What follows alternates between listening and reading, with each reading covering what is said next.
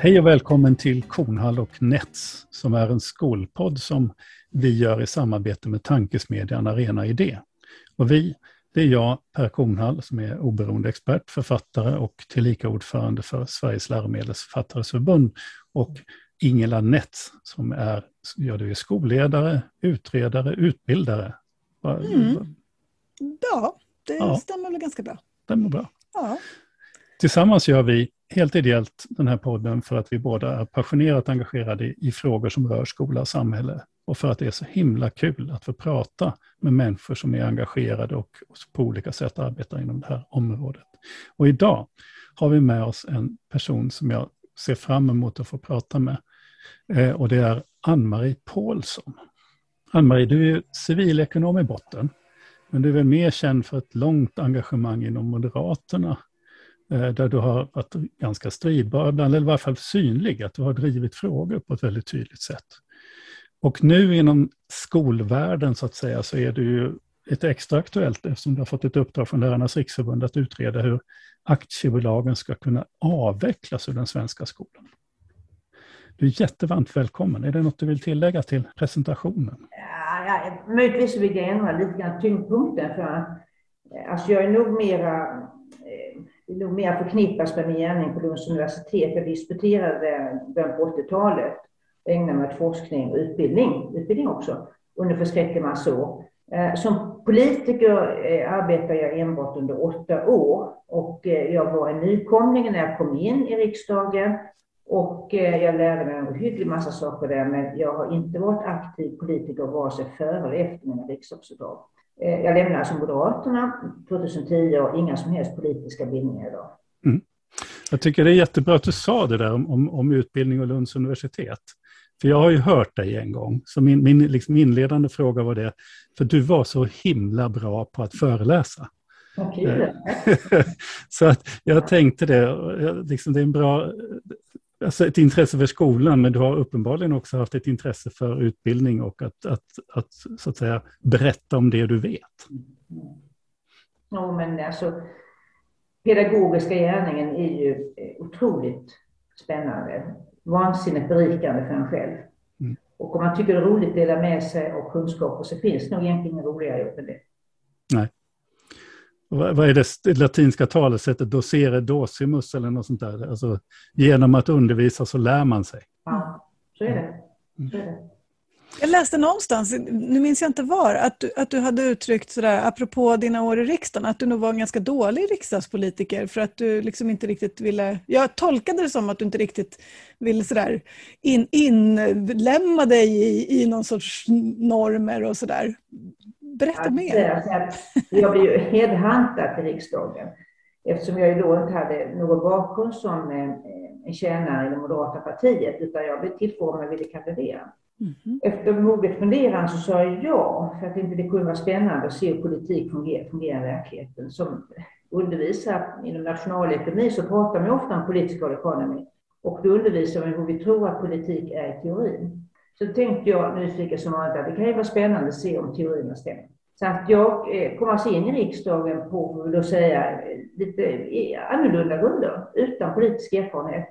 Och det var inte så att jag inte ville bli bra, utan jag ansträngde mig verkligen för att göra en god gärning. Till mitt yttersta.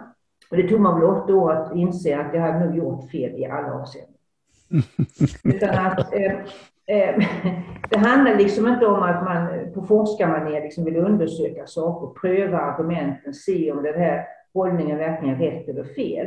Utan som politiker handlar det eh, primärt om att vara lojal gentemot makten och då är det ju partiledaren som man ska vara lojal mot. Och att eh, driva den linjen som partiledaren påbjuder. Så att det är inte så mycket utrymme för att tänka själv. Och då förstår ni att om man har tänkt själv hela sitt liv så blir det lite obekvämt. Men det är ju lite, Anna, det är ju, det är ju lite skrämmande mm. därför att det är ju inte så parlamentet är tänkt att fungera. Det är inte så riksdagen är tänkt att fungera. Eh, alltså egentligen. Utan det är snarare det är ju de folkvalda, alltså allt, det, utan en levande riksdag, en levande riksdagsdebatt, då kan man ju komma hur fel som helst. Ja, och det gör man ju också från tid till annan. Mm. Det var väl det som var så förvånande när jag kom in i riksdagen, för att jag begrep inte logiken. Ehm, och har jag hört från högtidstalen hur det ska vara, att det är riksdagen som formar besluten, bestämmer vilken linje som ska företrädas. Så jag trodde att det var på det viset. Men så var det ju inte riktigt. Och, och efter vill jag nog ändå anlägga ett lite mer försonande drag, för att jag inser att politik är väldigt mycket mer komplicerat än vad vi blir lärda att tro. Och egentligen mitt budskap till politiker då att jag tror att de skulle vinna på att beskriva hur svårt det är. Och varför man ibland måste ingå överenskommelser som inte ser riktigt aptitliga ut på, på pappret. Det är därför att det här är ett, ett otroligt spännande spel. Otroligt svårt och det krävs väldigt mycket för att kunna hantera det på skickligt sätt. Men väljarna behöver känna till mer om det stundom. Och jag kan rekommendera läsning av en bok. Och det är faktiskt Machiavellis Fursten. Mm. Det som gällde i, i eh, Italien på medeltiden, mycket av det gäller fortfarande. Bortsett från att vi inte längre har död och har ihjäl våra motståndare. Men alltså logiken, tänkandet, strukturerna, det, det funkar fortfarande. Mm. Mm. Det är en sån intressant paradox när du säger att, att politiken är så komplex och att man, att man liksom riskerar att, att vi som, som inte är där inte riktigt förstår utan man har någon sorts förenklad bild. För det är precis det som vi som står utanför maktens boning beskyller politikerna för. Att de hela tiden förenklar till exempel diskussionen om skolan. Mm. Fast vi som är mitt i det tycker att det är eh, så komplext att det inte går att liksom eh, måla det bara i svart och vitt. Nej, så är det också därför att eh, det, det är flera komponenter Den ena komponenten är ju det att skolan innehåller väldigt många dimensioner.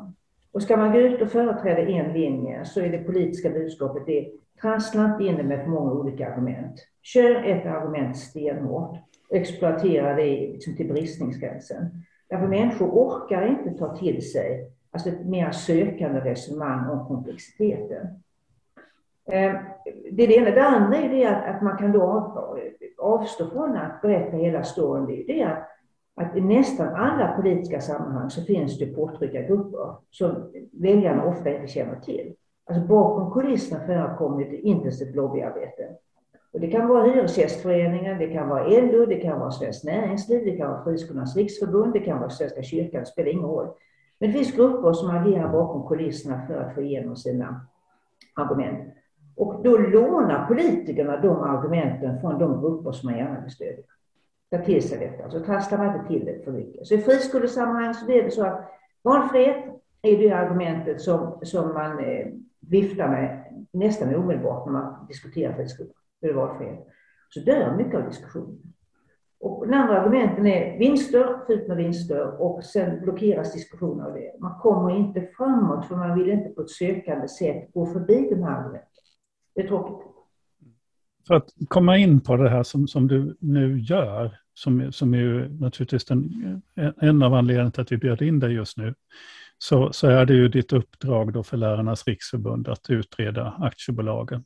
Eh, jag tycker det är så jättespännande och du kanske kan förklara för våra lyssnare, för att det du gör är ju egentligen ingen, som jag ser det som, så ser det som ett väldigt, vad ska man säga, ett tekniskt resonemang som förklarar varför just aktiebolagen kanske är olämpliga att ha i skolan. Det har ju inte med att göra med så att säga, en friskola eller valfrihetsdebatt eller något sånt där, utan bara att det, är, det finns någonting i den lagstiftning och ägarkonstruktionen som gör det olämpligt. Jo, så är det förstås. Va? Och, eh,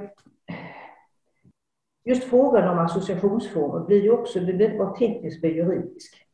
Och väldigt många har inte den kunskapen som behövs för att kunna förstå varför det här är problematiskt.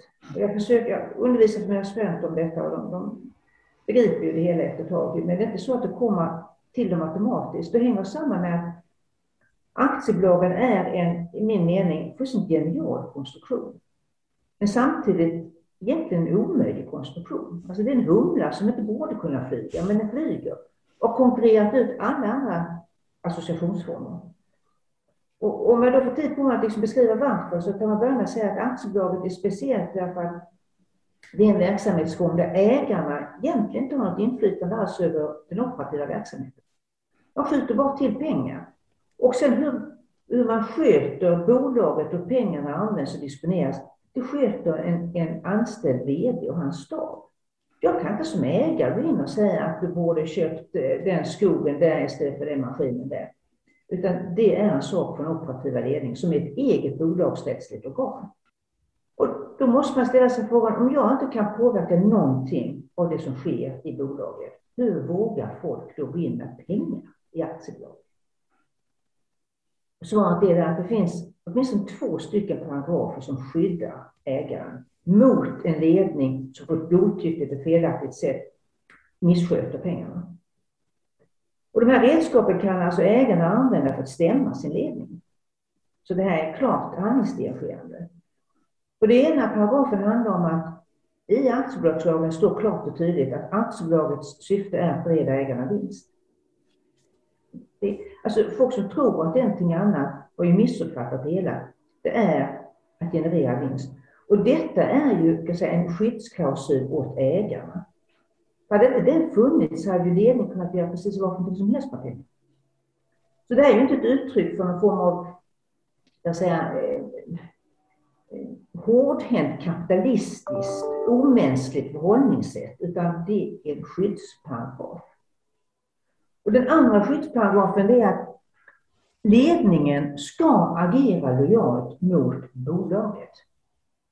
Alltså en ledning som börjar lojal, agera lojalt mot det omgivande samhället, mot eleverna, mot eh, vilda hundar eller bortsprungna katter eller vad du vill, agerar ju i strid med lagen.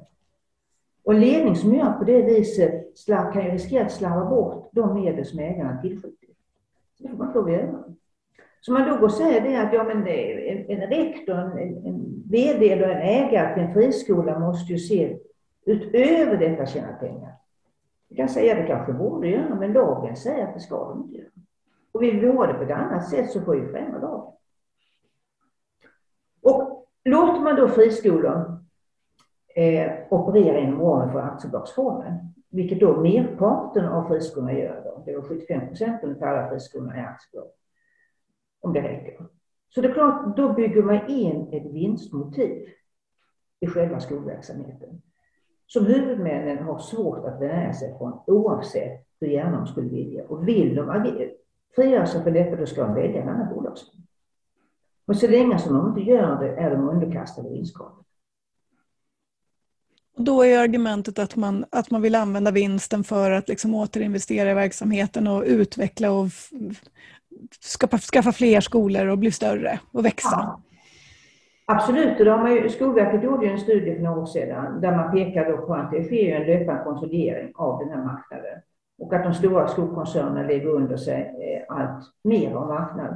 Och jag gjorde en kalkyl i somras och det är inte 100 procent rätt, men så här mellan tummen och pekfingret.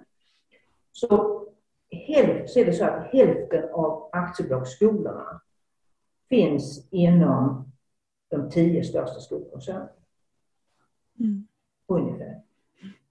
Så man ser liksom att, att eh, den här idén om att det skulle bli en mångfald av pedagogiska metoder, den håller ju på att försvinna genom att, att de stora koncernerna köper upp de mindre bolagen, mindre skolor. Men du skriver också, jag tänker på det, eller du skriver, jag, jag, jag vet att du har, du har skrivit eh, om att för det ena är ju det här med, med, med så att säga, vinstkravet som då är inbyggt, man måste då göra vinst. Och sen tar du upp lojaliteten som jag tycker är jättespännande. Och, och du säger vid ett tillfälle att, att ingen friskoleledning kommer någonsin att tillstå att det föreligger, att det, att det är så här det ligger till. För de skulle då, det skulle ligga i strid med lojalitetsplikten, det vill säga att de offentligt skulle då säga vi försöker bygga en bra skola för alla. Därför att det är det, är det som är det lojala att säga, medan de egentligen i sin verksamhet eh, ska se till att de tjänar pengar åt sina ägare naturligtvis, på grund av att det är det de är lagligt bundna till att göra. Men att lojalitetsplikten också förändrar hur de samtalar med oss i det omgivande samhället. Tolkar jag det rätt? Det är två lojaliteter. Det jag pratar om här är lojalitet gentemot bolagsägare. Ja. Sen pratar du här om lojalitet gentemot, alltså, en form av politisk lojalitet. Och den lojaliteten borde, om vi befann oss i en perfekt värld, givas av skollagen. Där borde man mycket tydligt staka ut vad som gäller för friskolor och skolor i även stort. När man går igenom och tittar på friskolor kan man se att den är så porös så att det finns liksom ingenting i skollagen egentligen som kan anses som en bindande restriktion för ett aktiebolag. Man hade mycket väl i skollagen kunnat staga upp det hela på ett mycket hårdare sätt genom att till exempel säga att ni måste ha x lärare per, per elev, ni måste ha minst så här många kvadratmeter per elev och ni måste sprida ut eh, slöjden så att de ska ha minst 30 timmar slöjd per termin. Alltså ha väldigt tydliga kriterier vad som gäller. Men det har man inte. Och i avsaknad av sådana tydliga styrmedel så blir det vinsten som blir avgörande för eh, skolan. Och vad jag menar med det uttrycket var snarare det att en skolledning eh, och rektor aktar sig förmodligen väldigt noga för att gå ut och säga till det omgivande samhället att jag tänker bara på mina ägare. Därför då får de dålig publicitet. Och det kommer att bli eh, proteströster för man kommer att säga att det är en dålig skola. Och då inser kanske rektorn att nej, jag ska inte säga det därför då förlorar vi elever och då blir ägarna ledsna för tillräckligt med vinst. Så att säga som det är, menar jag, det, är, det ska man inte förvänta sig. Ja, men det, här, det blir så intressant då med att, att kan man, jag är ju varken nationalekonom, jag är inte nationalekonom, däremot så är jag ganska, har ganska bra koll på skolan så, men, men, och kan ingenting om aktiebolag och, och former så egentligen. Men när du säger att, att skollagen är liksom för luddig för att kunna styra upp så att säga aktiebolagen eh, som, som skolägarform, så kan man se det som någon sorts vägskäl då? Att om det, om det rent politiskt blir helt omöjligt att få bort aktiebolagen som skolägarform i Sverige, för det förstår man ju någonstans att det är liksom en, ett jätteberg som ska sprängas i sådana fall. Kan man, är alternativet då att skollagen behöver bli eh, liksom detaljstyrande? De exemplen som du gav är ju några, men jag tänker att det finns ju säkert hundratals andra exempel som också behöver formuleras i, i någon sorts regelstyrning av skolan i sådana fall. Och är, är, det liksom en önskvärd... Jag kan ju spontant känna i magen att nej, nej, nej, som rektor skulle jag verkligen inte vilja ha en regelstyrning på det sättet. Men, men är det det vi eventuellt ser framför oss då? Som ett alternativ? Ja, alltså man får fundera. Vi hade ju regelstyrning tidigare. Mm. Och det utgör ju då en ganska hårdhänt restriktion för rektorer och skolledningar. Så gick vi över till målstyrning. Och eh, det var populärt. Men vad är skolans mål? Alltså om vi inte vet vad målen är så kan vi inte ha målstyrning. Vad jag kan se när jag läser skollagen så finns det två mål för skolan. Det ena är att förse ungarna med kunskaper. Och det andra är att förse dem med värden. Vi skulle kunna kalla det för skolans fostrande uppgift. Men hur mäter vi detta? Jag vet inte vad jag gör. Kunskaper, ja, eh, ja vilka kunskaper? Och dessutom så är det ju, när man tittar på skolans uppgift, det är ju mycket lättare att förse unga med kunskap, även om man har definierat exakt vilken kunskap det gäller, om man arbetar med unga som är motiverade och begåvade. Det blir hur lätt som helst. Men, men arbetar man med elever som är omotiverade och inte har begåvning som är tillräckligt, då får man lägga ner enormt mycket arbete för att man ska nå målet. Och då säger sig själv, om går tillbaka till aktiebolag, att drivkraften för en aktiebolagsskola det är förstås att locka till sig de eh, ska säga, lönsamma eleverna, begåvade och motiverade.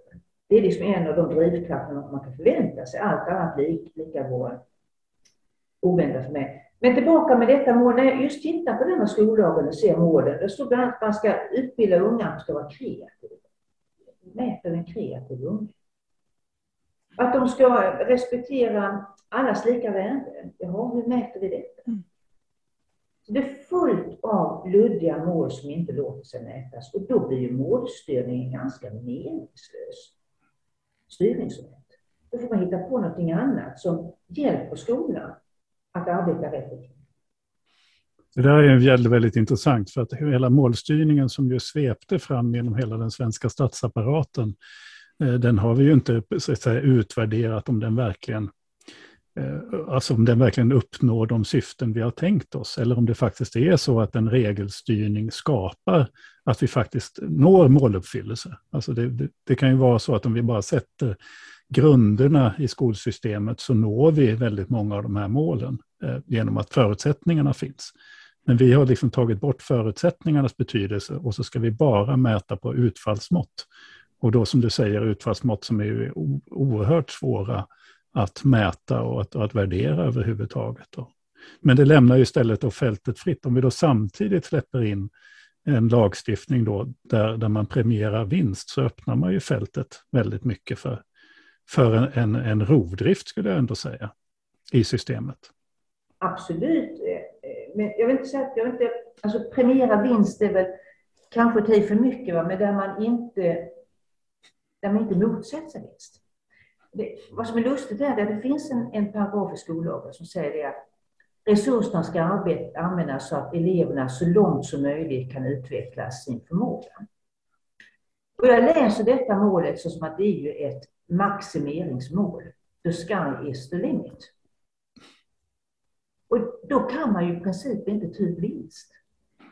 För då har man inte utvecklat ungarnas förmåga så långt som skulle kunna göra. Men Skolinspektionens uppgift är att se till att skolorna uppfyller de paragrafer som finns i skollagen. Men jag kan inte förstå hur man kan säga att vinst är, är förenlig med just den här aktuella paragrafen. Mm. Jag påminner mig om, om ett samtal som jag hade, och nu minns jag inte med vem. Jag, men jag, jag, om det var, det, jag för mig att det antingen är Anna Ekström eller eh, eh, Hadzialic, hon som var gymnasieminister tidigare, och sånt, vid ett möte med, med en engelska friskolor i London. Eh, som, som de fick ganska mycket uppmärksamhet för några år sedan för att de vände på resultat och så vidare.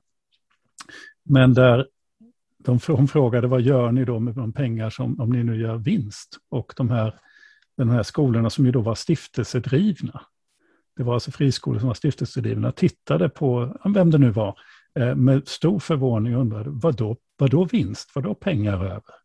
Det är väl klart att de pengar som, som vi har ska gå till eleverna och till undervisningen, så att säga. Och det kan man ju tycka är ett grundläggande element. Eh, så, ja, jag tycker det är ett, ett intressant resonemang. Jag har aldrig hört just det här resonemanget om den här skrivningen i skollagen.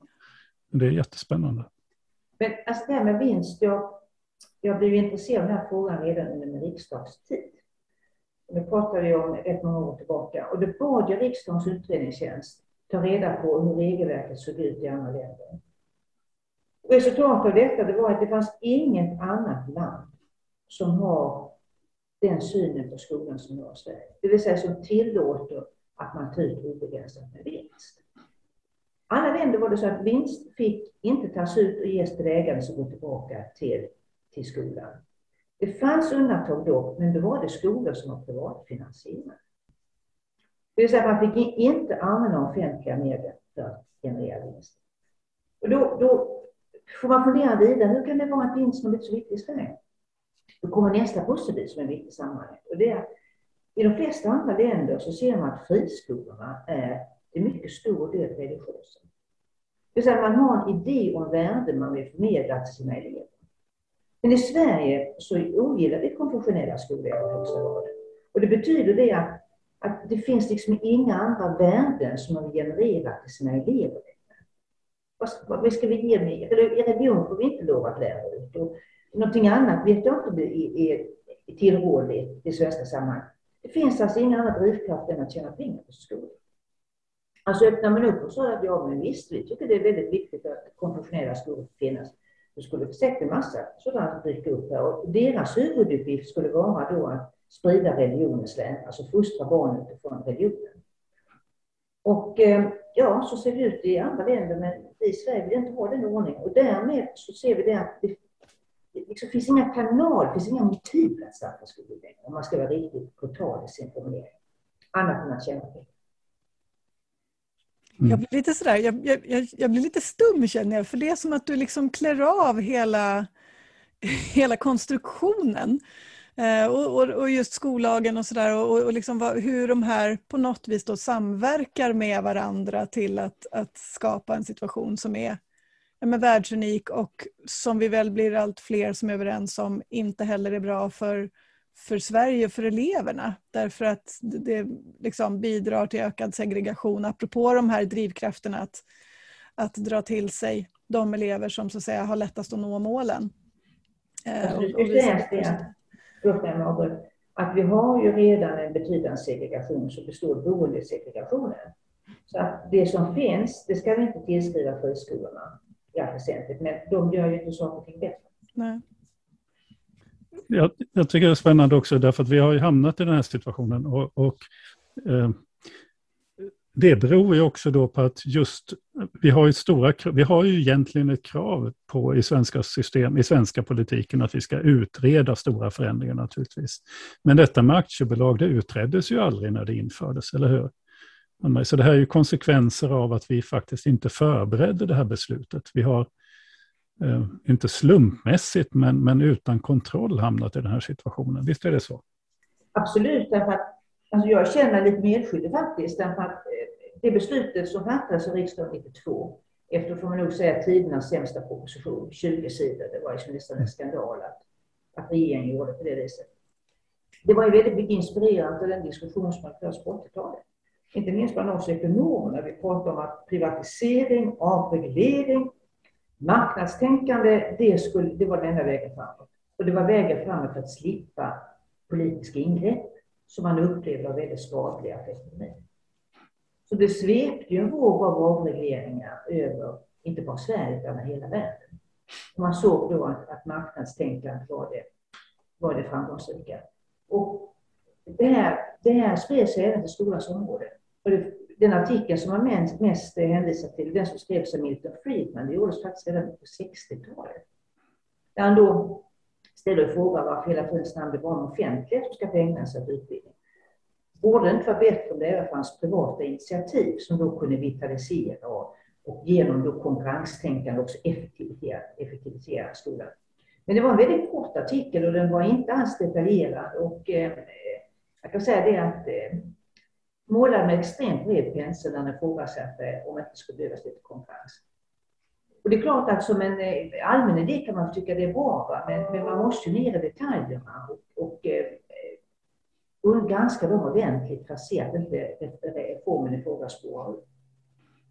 För att liksom gå tillbaka till detta, alltså, vi, vi, kan, vi kan dra det ett steg till och säga det att det tänkande vi har i Sverige idag, det grundar sig väldigt mycket på den marknadsekonomiska principen liberala och frihetliga idéer. Det liberala är att vi ska värna människors rättigheter och människors valfrihet. För skollagen är egentligen konstruerad så att både eleverna, föräldrarna och friskolorna har obegränsat med rättigheter. I stort sett. Rätt att välja skola, rätt att starta skola, rätt att byta skola, rätt egentligen att få göra hur man vill i skolan. Eftersom det inte finns någon ordentlig koll på betygen så har man ganska vidsträckta möjligheter och rättigheter att få vilka betyg man vill ha. Och föräldrarna kan ägna sig åt utpressning. Får vi inte vad vi vill så byter vi skola. Och rektorerna blir lite ängsliga och då går föräldrarna till mötes. På skolorna sätter man inga krav på att de ska erbjuda undervisning året ut. Man kan när som helst lägga ner och gå i konkurs. Det ska vara lika skolpeng. Alltså, bara ett så att säga, liberalt rättighetstänkande som man applicerar på skolan. Mm. Utan att reflektera över detta bär hem. Vem, om någon, har någon skyldighet i hela det här systemet. Det är alltså jätteintressant. Jag har hört från nu precis i dagarna, det, förra veckan så träffade jag en lärare på en folkhögskola i Stockholm, centralt placerad folkhögskola i Stockholm. Han berättade att det är inte en liten andel av deras elever som är elever som kommer ifrån skol, friskolor som har gått i konkurs. Eh, och för mig blir det här det blir så ledsamt när jag tänker på det, för jag vet ju vilka friskolor det här var. Jag vet också att de inte lockade till sig att säga, de, de socioekonomiskt starka grupperna. Utan de här ungdomarna var, var ju ofta praktiska gymnasierna eh, och så vidare. Eh, det, var, det var ungdomar med svag röst i samhället som bara helt plötsligt blev utsparkade från sina gymnasieskolor och fick sina fram, sin framtid, så att säga.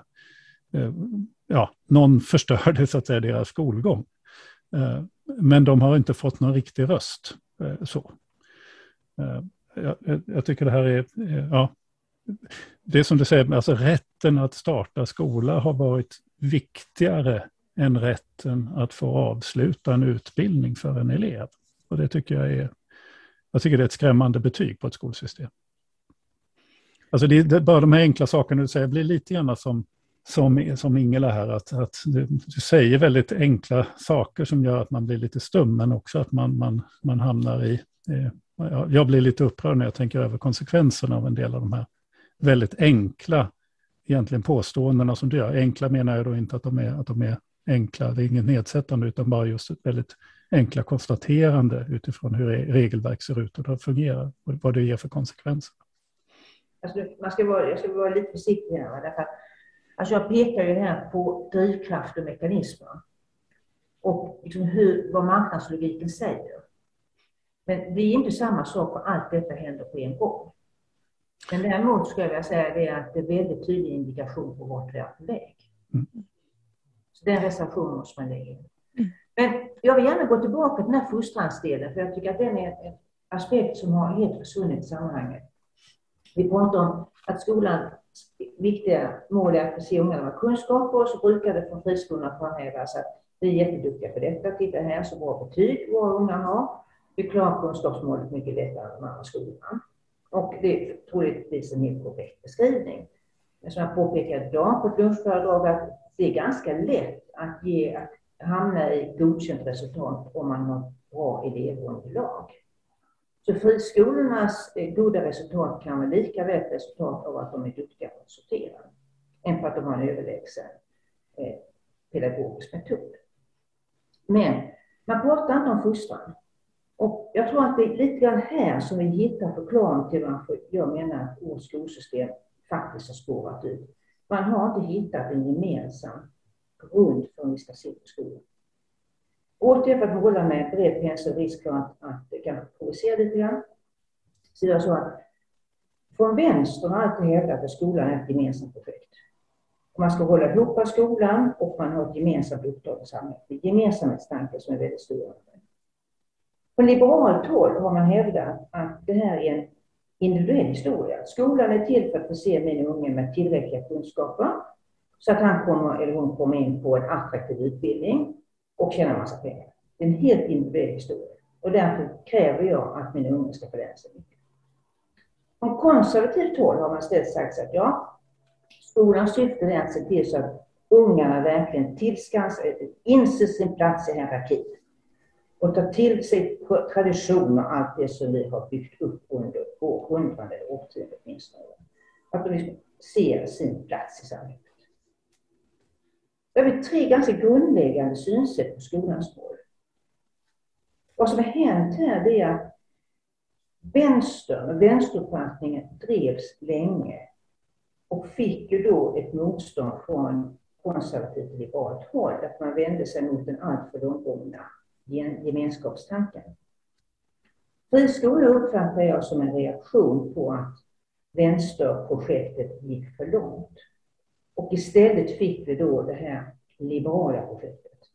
Skolan som ett liberalt projekt för att mitt barn ska bli, tjäna mycket pengar i framtiden. Det konservativa projektet försvann ju lite grann, för det finns ju inte mycket konservatism i Sverige, utan även Moderaterna omfamnar det liberala tänkandet. Politiskt så blev det lättförklarligt att det har blivit som det har blivit. Därför grundtanken bakom skolan stämmer överens med liberala synsätt. Jag skulle ändå vilja protestera lite grann då. Därför att det skolsystem som vi byggde fram till innan dess, det, det, det var ju visserligen var det ju naturligtvis Socialdemokraterna var länge i regeringsmakt och sånt.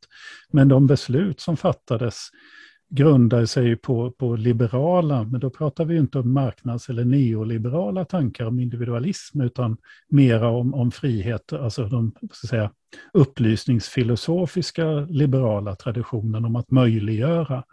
Alltså den som la grunden för en enhetlig folkskola var ju en, en liberal skolpolitiker, Fritiof Berg, för han menar att annars kan inte samhället samla sig för att möjliggöra den här frihetsresan för individen det är fortfarande individens möjligheter till frihet eh, som ligger i botten, men, men han menar att det krävs ett starkt sammanhang för att den friheten ska realiseras. Och det är en väldig förskjutning mot en, mot en mer, vad ska jag säga, förenklade neoliberalistiska eh, individuella ideologin, eh, kan jag tycka. Så jag, jag tycker ändå att det finns en stark liberal tradition i... Ja. i... Absolut, men då, ska ju, då, då får vi förtydliga oss själva och beskriva vad vi menar med liberala. Mm. När jag pratar om liberalismen här är det snarare sån här ganska extrema marknadsliberala tanken mm. som har spritt sig. Jag håller med dig helt och hållet att grundtanken tidigare var just att skolan skulle bidra till att alla skulle kunna dels bli goda samhällsmedborgare genom tillskansas nödvändiga kunskap och rätta värden, men också ett redskap för barn som hade bättre förmåga, en större förmåga att kunna gå vidare. Det var liksom hela idén bakom det hela. Och det där fungerade ju bra, men någonstans började, tror jag man började att röra sig för långt ifrån de här grundläggande värderingarna när synen på skolan var att alla skulle göra allting, alla skulle trängas in i samma form. Då, då menar jag att då blev det inte bra längre. Och det, när den utvecklingen satt in törs jag inte säga, men det kan ha varit på 80-talet kanske. Så att det, det bakom friskolorna menar jag finns det alltså ganska starkt motstånd mot den i mina ögon lite mer extrema gemenskapstanken.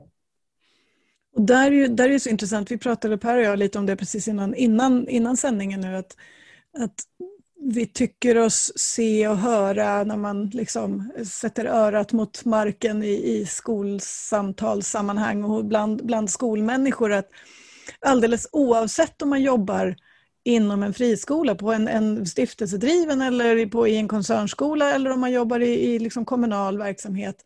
Så på golvet, där i mötet mellan, mellan lärare och elever och hos skolledare, så är den här, den här eh, vad ska man säga, fostrans idén om vad vi ska ha skolan till, vad som är vårt moraliska syfte, eh, växer sig allt starkare det finns någon sorts längtan, upplever jag, som också utbildar i de här sakerna just nu, att, att, att det är väldigt många som liksom söker efter den här meningen med skolan. Och, och fler och fler förstår kanske att systemet på något vis eh, motarbetar det där gemensamma syftet. Och då borde det ju förstås finnas med i en skollag. Och det borde vara mm. mycket mer styrande för friskolan. Mm. Och framförallt så borde politikerna enas kring vilket som är skolans fostrande uppdrag. Jag, jag skulle vara intressant faktiskt om man frågade en företrädare för varje parti i riksdagen hur de ser på detta. Jag vet inte. Mm. Mm. Men frågan bör ställas. Mm. Jag vet ju att det är samtal med, med, med finska med fin, i, i finska samhället så ser man ju fortfarande skolan som det här stora gemensamma. Eh, alltså det är, som en, det är en viktig faktor för dem att hålla ihop nationen och skolan är liksom det yttersta redskapet för det. Det är en väldigt uttalad sån målsättning i, i, med skolsystemet. Då. Som väl då, eh, man kan säga att det svenska systemet eh, då leder till splittring av den tanken. Och det är samma sak där när man pratar om skolan så kanske man skulle börja den änden mm. idag. Och så fundera på, vi ser det som gemensamt projekt.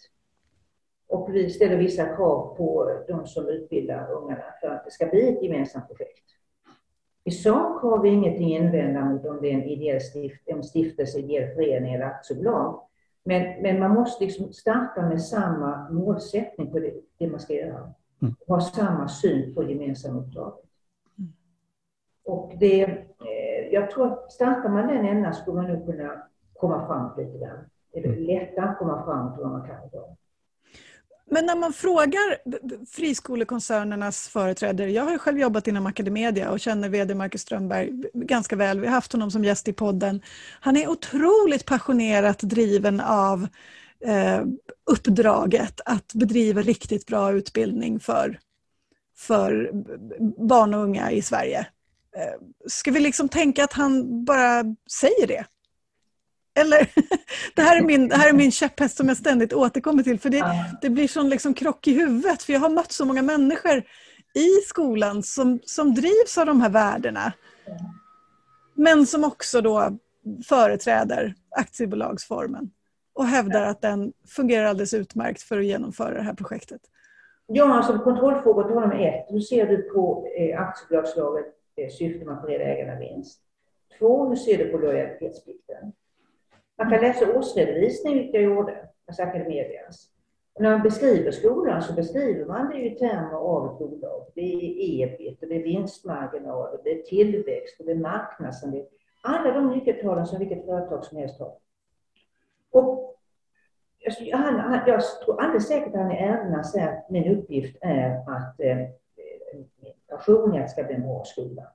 Men han har en lojalitetsplikt, han har ägare. Vad säger ägarna till honom när han tycker det? Jag vill att vi ska ha exempel eh, bygga ut en väldigt bra gymnastiksal. Vi tror att det är nyttigt med rörelse. Ungarna lär sig mera om de får en timmes gymnastik eller idrott eller rörelse varje dag. Vi har ingen gymnastiksal idag. Om vi vill bygga en, det kostar bara 20 miljoner. Alltså vad säger ägaren om det i det sammanhanget? Jag frågar måste vara, är det bra för ägaren? Ökar det vår vinst? Nej, det gör det inte, för vi har redan kö till utbildning så vi får inte fler elever, vi kan inte ta emot fler elever. Men vi tror att eleverna mår bättre så att någonstans finns det alltid en konflikt här, oavsett vad vd säger så finns det en konflikt. Och eh, eh den konflikten, den finns i styrelserummet och i skarpt läge.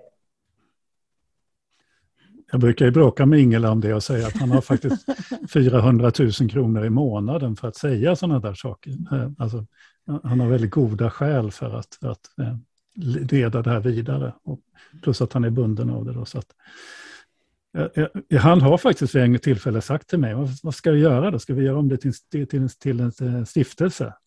Och jag tittade på honom och sa ja. Men det är väl en jättebra fråga. För, för om, vi nu, om vi leker med tanken nu då, Ann-Marie, att, att mm. det, det, vi hör ju att din, du kommer i din utredning någonstans att komma fram till att aktiebolagsformen är inte riktigt kompatibel med skolans liksom, uppdrag så som det är formulerat idag. Va, om, om, om det sådär, skulle faktiskt bli någon form av politisk enighet som säger att nej, men vi tar bort aktiebolagen. Man får inte, ha, man får inte driva skola om man är aktiebolag. Vad skulle hända? Ja, för, först skulle 20 procent av eleverna skulle sluta skolan. Mm. Eh, vi har ägare, börsnoterade bolag. Jag tror att Academedia är värt 9 miljarder. Internationella Engelska Skolan såldes ut på 4-5 miljarder. Nu pågår en ägarprövning. Och jag ser fram emot vad Skolinspektionen landar där. Det ska bli väldigt intressant. Det tar ju lite tid att reda ut det där, eller hur? Ja. ja. för det är ju ytterligare en aspekt på det här ägarskapet och lojaliteten, att man inte ens vet vilka som är ägare. Alltså säger man ja till det riskkapitalbolag, då har man ju släppt ut anden och flaskan totalt. Jag menar, mm. var går gränsen? Nästa gång så blir det en rysk oligant som köper svensk skola. Alltså det är klart att det här blir jättekonstigt. Men alltså tittar man då på börsnoterade skolorna och då på andra som möjligtvis är publika aktiebolag som de tycker att de eh, kan göra anspråk på ersättning så skulle det här bli en ganska dyr sak för skattebetalarna. För det skulle bli, man skulle tvingas kompensera ägarna. Eh, det skulle förmodligen bli mycket, mycket processer med EU-domstolen. Att man säger att man, man, man inkräktar mot på äganderätten. Och den ska skyddas enligt Europakonventionen för skydd av mänskliga rättigheter. För det finns inskrivet i svensk grundlag. Så det här blir, eh, alltså praktiskt det här är jättesvårt. Sen så säger den som jag arbetar tillsammans med och var professor i aktiebolagsrätt. Jag menar på att eh, aktiebolag i ekonomisk förening det, det är egentligen bra verksamhetsformer för det där har lagstiftarna koll på. Man har insyn mm. när det gäller revisorernas verksamhet och liknande. Så det är ingen dålig verksamhetsform. Ideella föreningar är katastrof för mig, mm. ingen insyn alls. Och stiftelse är också svårt. Det går inte att kontrollera.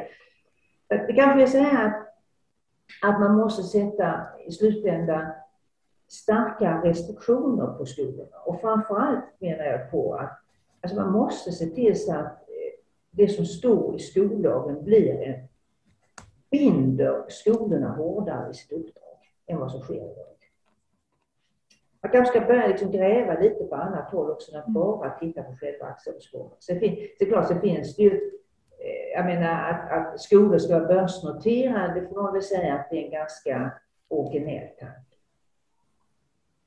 Jag tänker på det när, när Friskolornas riksförbund gick ut nu, när man, när man börjar prata återigen om att man behöver justeras, att kommunerna eh, räknar ut skolpengen och tar hänsyn till att de har ett större ansvar, så att man ska sänka skolpengen för de fristående skolorna som inte har alla de här ansvarsuppgifterna som kommunerna har. Då, då reagerade Friskolornas riksförbund och sa att det är hundratusentals barn som kommer att drabbas om man sänker skolpengen. Eh, alltså det blir ju väldiga brösttoner i debatten så fort man gör det. Är det också något sätt man kan jobba med att det blir mindre lönsamt, så att, vi, eh, att bara det i sig gör att vi får en annan typ av aktörer, även om vi tillåter aktiebolag?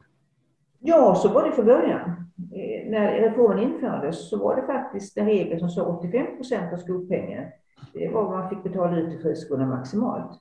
Det där ändrade eh, Göran Persson på. Och, och varför ändrar han på detta här? Ja, jag gissar, och detta är en gissning från min sida, att vad som hade hänt var att friskolorna tog betalt av föräldrarna den överskjutande delen. Och då fann man från socialdemokratiskt håll att det var inte lämpligt detta. Det kunde ha friskolor som då vände sig till grupper som hade en bättre ekonomi, som hade råd att betala avgiften. Och för då eh, slippa bli, bli, bli beskylld för att man gynnade någon form av en ekonomisk elit, så tog man bort möjligheten att ta betalt. Och istället införde man regeln att det ska vara samma skolpeng för alla. Men istället hade då Göran Persson så till så det kom in en annan restriktion i skollagen, eller i de här lagarna som reglerar detta. Och det var det att kommunerna fick ett ganska långtgående eh, rätt att stoppa friskolor. Och man tyckte det inkräktade på kommunernas ekonomi. Den regeln tog sen eh, regeringen Reinfeldt bort. Så det är därför vi sitter liksom nu i världen med samma skolpeng, rätt etableringsrätt och kommunerna har inga möjligheter att stoppa någonting. Det är liksom en, en, en sämst av alla världar när regeringen, borgerliga regeringar och socialdemokratiska regeringar skulle mötas i den här frågan. Det blev det inte. Mm. Man brukar ju peka på det, det beslutet som den, att det är då som aktiebolagen kliver in på arenan och ser att det är lönsamt. Eh, men, men jag har också faktiskt, jag har varit med om det att eh, efter ett föredrag i, i gamla riksdagshuset så, och där Ingvar Carlsson var närvarande, så kom han fram till mig och sa att, och mer eller mindre bad om ursäkt för att de förhandlade bort det där i en förhandling med Centerpartiet. Det vill säga att, att ja, man offrade den här, det här skolpengsförslaget så att säga för att man förhandlade bort någonting annat i en helt annan del så att säga av politiken. Ganska... Men alltså en möjlighet för att komma åt hela det nu tänker jag på tekniska termer. Friskolorna säger att de blir upprörda och de går man ur huset när man pratar om sänkta ersättningar. De går man ur huset så fort det rör deras ekonomi. Eh, då skulle man kunna säga så här, ja men nu är det så att eh, ni har ju för det första ett annat uppdrag kommunala, för ni har ingen mottagningsplikt. Och ni har ingen plikt heller att förse ungarna med utbildning, utbildning året ut. Ni kan när som helst avbryta det hela. Ni kan dessutom genom att välja vissa ställen att etablera er på så kan ni sortera marknaden så att ni får säga, den enklare populationen att utbilda. Allt det där sammantaget gör att ni har en fördel jämfört med det kommunala. Det här är inte konkurrens på lika villkor. Ni kan inte prata, är det inte konkurrens på lika villkor så får vi ändra konkurrensvillkoren. Man skulle kunna kräva att friskolorna skulle betala till kommunerna varje år en, en försäkringspremie som garanterar att de finns kvar. Man kan förse unga med utbildning kanske under de här tre åren de går i skolan, som ska behöva byta till några andra skolor. Man skulle kunna införa en mottagningsplikt hos friskolorna och säga att ja, det finns hos kommunerna, då får ni också mottagningsplikt. Vi kan alltså inte ha kösystem. Utan att de etablerar här så ska ni kunna förse alla unga, unga med utbildningsplats som önskar gå i er skola återigen så är det, blir det liksom att, att hitta de andra sprintarna i systemet för att klargöra att ska vi ha lika konkurrens så ska vi ha lika konkurrens och då gäller detta överallt. Så man gör det lite dyrare för friskolorna verkligen. Och vill de inte agera under de här omständigheterna och säga ja men då kan ni köpa er fria men då får ni lite lägre skolpeng. Det var inte mer populärt att säga på det viset men... Nej. Men, men alltså det är intressant. Jag tänker på, eh, hur ser du på förstatligandeutredningens uppdrag? Alltså kopplat till det här. Jag fick den frågan nu på lunchen och jag får säga ge samma svar till dig. Jag är lite osäker på vad de vill åstadkomma. Jag uppfattar som så att om man förstatligar då kan inte kommunerna ta ut olika skolpeng. För den kommunen idag som ger mest till skolan tror jag anslår ungefär 160 000 per år och elev. Och den som betalar minst är väl 90 000 någonting. Så det är nästan faktor ett till två. Mm. Och då uppfattar jag att om det är en statlig skola då kommer det bli samma skolpeng. Uppfattar jag det som, men det kan vara fel. Mm. Um, och det är klart att um, det kanske är en poäng att det blir samma skolpeng. Jag har egentligen ingen uppfattning om det. Man kan ju tänka mig att det, man kan göra olika prioriteringar. Men okej. Okay. Den andra biten är att det blir ju inte mer av statlig tillsyn, för den sker ju redan då via skol, Skolinspektionen. Så att mm. kontroll och insyn kan jag inte se att det egentligen skulle förändras om man hade en statlig skola. Och det är lagstiftarna och eh, riksdag och regering som bestämmer spelreglerna. Det förändras ju inte heller om det är en kommunal eller statlig skola. Ja, nej, det, det får bli mitt lite diffusa svar. Jag kan bara se att det finns en substantiell eh, område där det kan bli en skillnad, det är på nivån på skolan. Men ni kan få eh, sätta ner mig, så får gärna berätta för mig. Jag bara tänkte i det här perspektivet kanske det kunde vara intressant att staten då har en möjlighet att påverka marknaden och konkurrensen som en aktör istället för att, att det sker på ett helt oöverblickbart sätt i 290 olika kommuner då med rättstvist och allt vad som följer av det. Då. Jag får mena lagen. Alltså lagen säger då att om du ansöker att få starta skola och du uppfyller det enda villkor som finns, det vill säga att du kan göra troligt att du kommer att kunna klara av det här. Det. Kommunen kan inte stoppa det. Nej. Det, där är en annan... det är Skolinspektionen som prövar detta, det inte kommunen. Nej, Nej det där, men det där är också en intressant sak som jag har funderat över ibland. För att aktiebolagens eh, ägare har ju stora intressen, alltså en motivation att starta skolor för att man vill tjäna mer pengar. Men vad har egentligen en kommun för motivation att själv driva skolorna? Det är ju besvärligt. Förstår vad jag menar? Att jag kan se att det blir som ett sliding window. Alltså, aktiebolagen kommer alltid bara att öka. Ja. För det finns ingen motkraft egentligen i systemet. Nej, kommunen tycker det här är jobbigt. Ja. Mm. Föräldrarna är jobbiga, eleverna är jobbiga, låt någon annan ta hand om det. Ja, mm. det. Och då är det klart att ur det perspektivet kan vi säga att då behövs det staten som går in med lite mer muskler i det hela. Mm. Ehm, och det är klart som sagt att man kanske kan förvänta sig att det på nationell nivå råder en kanske en djupare förståelse för skolans uppdrag i grunden än vad det är på kommunal nivå. Kanske är orättvist när jag säger detta, utan det är en kvalificerad gissning från min sida. Ja, det är väl också det är svårt att ur ett kommunalt perspektiv ta ett nationellt ansvar, det är, som lagstiftningen bygger nu. Då. Men eh, en, en fråga, när, när kommer du vara klar med utredningen för Lärarnas riksförbund? Och hur mycket tid lägger du ner på det? Ja, jag lägger ner ganska mycket tid på det faktiskt. Mm. Vi ska vara klara februari, mars nästa år. Mm. Så att, eh, nej, det är så många, det är så många olika aspekter som man måste borra i så att det är en svårare men mer mångfacetterad fråga än vad jag förväntat mig mm. det, är, det är jättespännande att du gör för det här blir ju som en, en riktig skuggutredning om man säger. Ja, ja. ja. ja det skulle vara roligt faktiskt om den blev uppmärksammad. För att, mm. eh, alltså, jag, jag är själv liksom tillhör det konservativa lägret.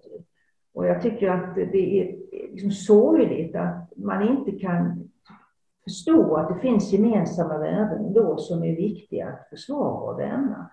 Och att ska vi få någorlunda kan säga, fredlig utveckling så gäller det att vi enas någorlunda kring hur vi ska se på de här frågorna. Mm.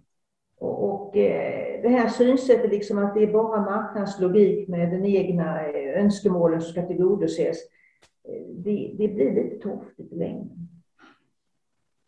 Och egentligen, om man nu ska ge mig ut i nationalekonomiska resonemang, om man ser utbildning enbart som en privat sak, att jag ska förkovra mig, jag ska lära mig någonting, jag ska kunna gå vidare, då finns det ju ingen anledning att jag ska betala skattsedeln, utan då ska jag själv betala min utbildning. Utan den kollektiva betalningen bygger på att det finns ett gemensamt, att det är ett gemensamt projekt. Mm. Där är det lite spännande att dra eventuella paralleller till Diane Ravitch som ju Per intervjuade i våras här någon gång och som har liksom gjort en helomsvängning i sin syn på det amerikanska skolsystemet från den absoluta toppen av, av liksom makt, maktpyramiden på något vis. Så. Ehm, känner, känner du, liksom, känner du någon, någon form av släktskap med hennes, hennes tankar och idéer? Du får först berätta om hennes tankar och idéer. Ja, hon, satt alltså, hon satt ju alltså och, och jobbade åt regeringen, Bush-regeringen. Eh, och var en, en, en av de som, som förde fram tankarna på mer konkurrens i det amerikanska skolsystemet och mera charter schools. Då. Eh, det är ändå så att de flesta charter schools har mer av en upphandlingssystem än det här friskolesystemet som vi har i Sverige. Men hon var absolut en, en förespråkare för det och drev det alltså på, på regeringsnivå i USA men ändrade åsikt ganska dramatiskt. Just av den anledningen att hon ser skola som ett fundament för, den, för den demokratiska Eh, staten, demokratiska fostran, men också det, eh, det gemensamma samhället. Där man, så, eh, så, så, hon ser att den allmänna, det public school system, allmänna skolsystemet i USA är, är, är någonting som hon nu är. Hon är ju den mest aktiva försvararen i USA, för det har en väldigt, väldigt välbesökt blogg bland annat och är, drygt 80 år och still going strong. Också professor i, fast i historia faktiskt. Nej, men det, det är eh, sånt som Charles Kindleberger, nej förlåt, det var inte Charles Kindleberger, vem var det? Ja, nu släppte jag namnet, men han har skrivit en framträdande amerikansk nationalekonom som var rådgivare åt eh, eh, både tror jag, och, eh, Roosevelt och Kennedy. Och han skrev en bok om om ekonomi och politik och han framhävde just betydelsen av utbildning som fundamentet för demokrati. Alltså utan utbildning, utan utbildad befolkning så går det inte att, att ha ett demokratiskt styrelseskick. Vilket också är liksom någonting man bör fundera på i dessa tider när allt fler blir intresserade av de demokratiska idealen. Att utbildning, utbildning, utbildning, utbildning. Man kan inte göra för lite av det.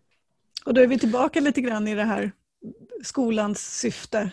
Att, att vara, bli överens om vad som faktiskt är, är ett, ett liksom gemensamt syfte. Alltså jag, kan ju, jag kan ju då kasta in en brandfackla, slänga in ett förslag. När jag läser skollagen så läser jag att det är en lag som är full av rättigheter. Man bara staplar elevernas och föräldrarnas rättigheter på varandra. Jag blir liksom helt fascinerad. Jag tänker att vi ska fostra barn till att bli goda samhällsmedborgare. Det enda de lär sig i sin skolgång är att de har rättigheter. Mm. Alltså, hur rustade är de när de kommer ut i tror att de enbart har rättigheter. Mm. Alltså jag, jag, skulle välkomna om man faktiskt också formulerade elevernas skyldigheter och föräldrarnas skyldigheter. Mm. Jag skulle kunna föreslå att en skyldighet är att barnen ska ha, ha skyldighet att respektera sina kompisar eller sina, eh, de andra eleverna och personalen i skolan. Alltså det handlar inte bara om att man får sin egen rätt tryggad, man har också en skyldighet att respektera. Mm. Jag, är inte lika, jag har inte läst skollagen lika mycket som du har. Däremot så har jag ju många gånger störts av den, hur läroplanerna är skrivna. Eh, hur det finns en en ideologisk bakgrund som gör att de blir till slut till en sorts obegriplig poesi istället för, för en, en, handledning till hur man ska agera och så. Och där man kan spåra varför texterna blir så ogenomträngliga om man, om man tränger in i ideologin som ligger i bakgrund och sånt där.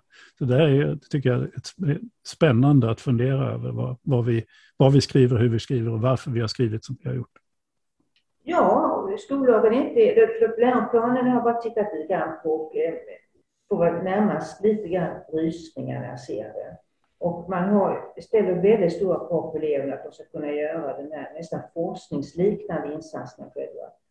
Säger vi på universitetet kan vi göra, alltså, när studenterna kommer upp på magisternivå, då först kanske de kan börja göra egen undersökning.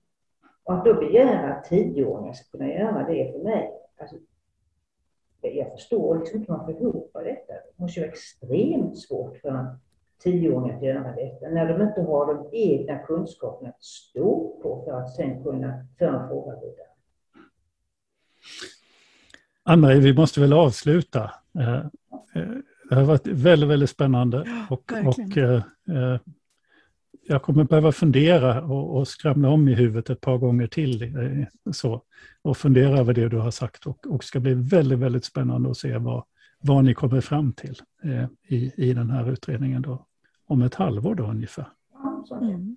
Och vi, vi törs väl nästan lova att det kommer att bli uppmärksammat, eller den kommer att bli uppmärksammad. För inte bara för att skolfrågan har, har liksom hamnat högt på agendan hos alla oss som jobbar i, i systemet, utan också för att det ju faktiskt är ett valår på gång.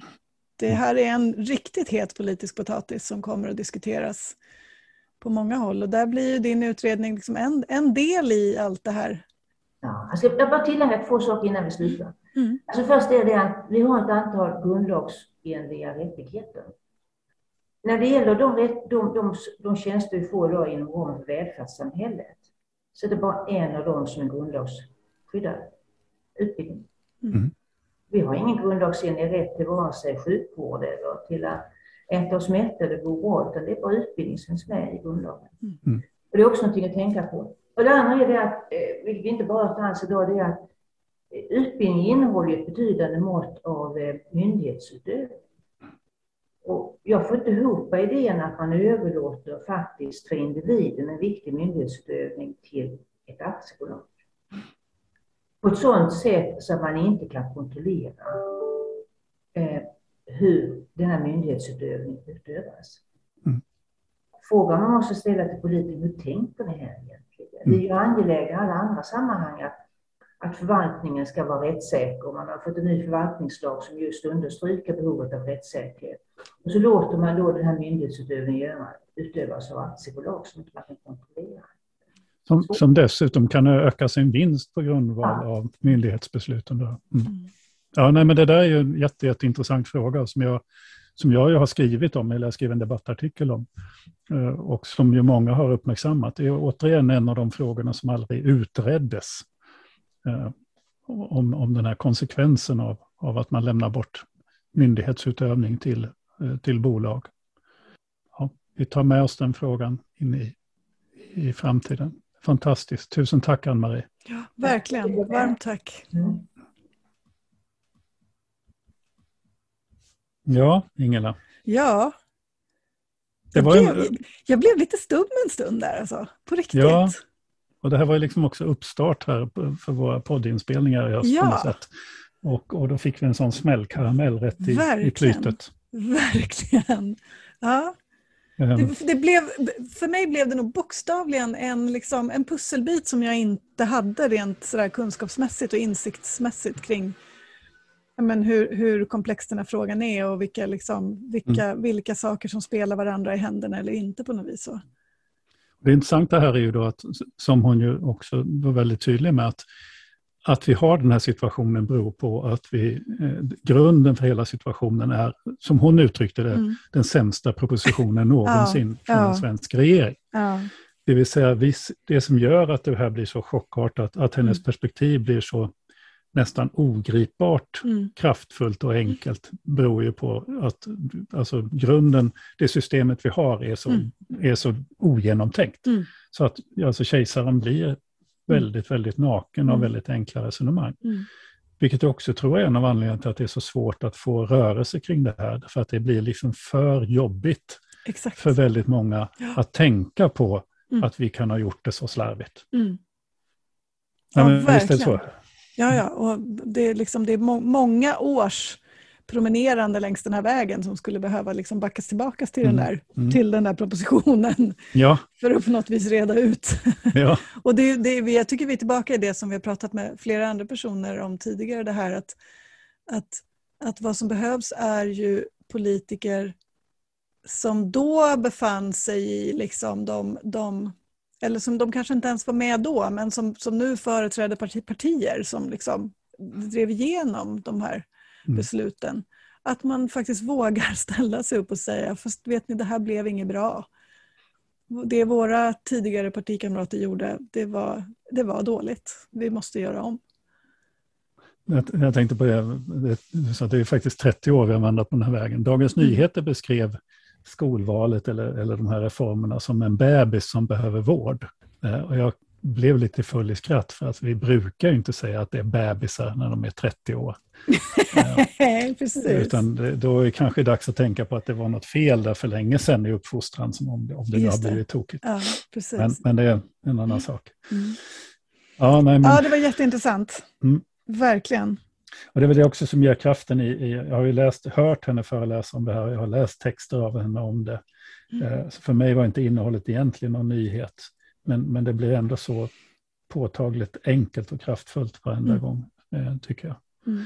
Sen får vi be om ursäkt för några, att ljudet varit dåligt. Ja, det laggade några gånger. Mm. Det var lite burkigt sådär, men vi, mm. vi hoppas att det funkar. Mm. mm. Det kan vi väl berätta för, för våra lyssnare nu. Nu, nu drar vi igång en ny säsong och, och vi kommer att fortsätta eh, göra en del avsnitt så här på Zoom som vi använder oss av då, då, på distans därför att det förenklar så oerhört när människor slipper resa. Det, vi, vi vill prata med människor som ofta är väldigt upptagna eh, och kanske finns i en helt annan del av landet än där vi befinner oss och då är det så jättepraktiskt. Eh, men vi kommer också att göra några eh, och kanske så småningom allt fler inspelningar i en riktig studio där vi faktiskt är i samma rum alla. det ska bli roligt. Ja, faktiskt. Verkligen. Och vi kan väl också be er att, att skicka in förslag på tankar om, om vad ni tycker att vi, gäster vi ska bjuda in och ämnen vi ska lyfta. Ja, och särskilt nu eftersom det ju faktiskt, det kommer vi tjata om, är vi på väg in i ett val, valår med allt vad det innebär. Och vi vill, vi vill ju, tänker jag, bidra till att lyfta, lyfta de frågor som är viktiga för skolan. Ja. Eh, och för oss som verkar i skolan och för alla barn och elever som, ja. som ska igenom skolan. Och Så kanske att, eh, hjälpa till med det som, som, eh, som vi pratade om idag, att inte bara köra de enkla plakatfrågorna exakt, utan att exakt. få ett mer, ett mer djupt samtal om mm. skolan. Mm. Mm. Den bästa fortbildning man kan tänka sig är det ju någon som har sagt om vår ja, podd. Jag tycker vi, mm. vi kämpar för att leva upp till det. Ja, ja. Mm. ja du har just lyssnat på ett avsnitt av Kornhall och Nät som är en skolpodd som vi gör i samarbete med tankesmedjan Arena Idé. Och vi heter Per Kornhall och Ingela Nets. Och I varje avsnitt så intervjuar vi en eller fler personer vars kunskaper, position eller arbete är intressant för den svenska skolan. Vill du inte bara ha oss i öronen utan också i ögonen eller vill tipsa oss om olika eh, människor vi kan prata med eller ämnen eh, så går det att hitta oss på Arena Idés hemsida och Facebook-sida och där kan du också hitta en, du kan hitta oss där, via eh, där du hittade podden helt enkelt. Men du kan också hitta en videopodd om du vill se oss prata. Men med det så säger vi tack för den här gången och vi hörs snart igen. Hej då! Det gör vi. Hej då!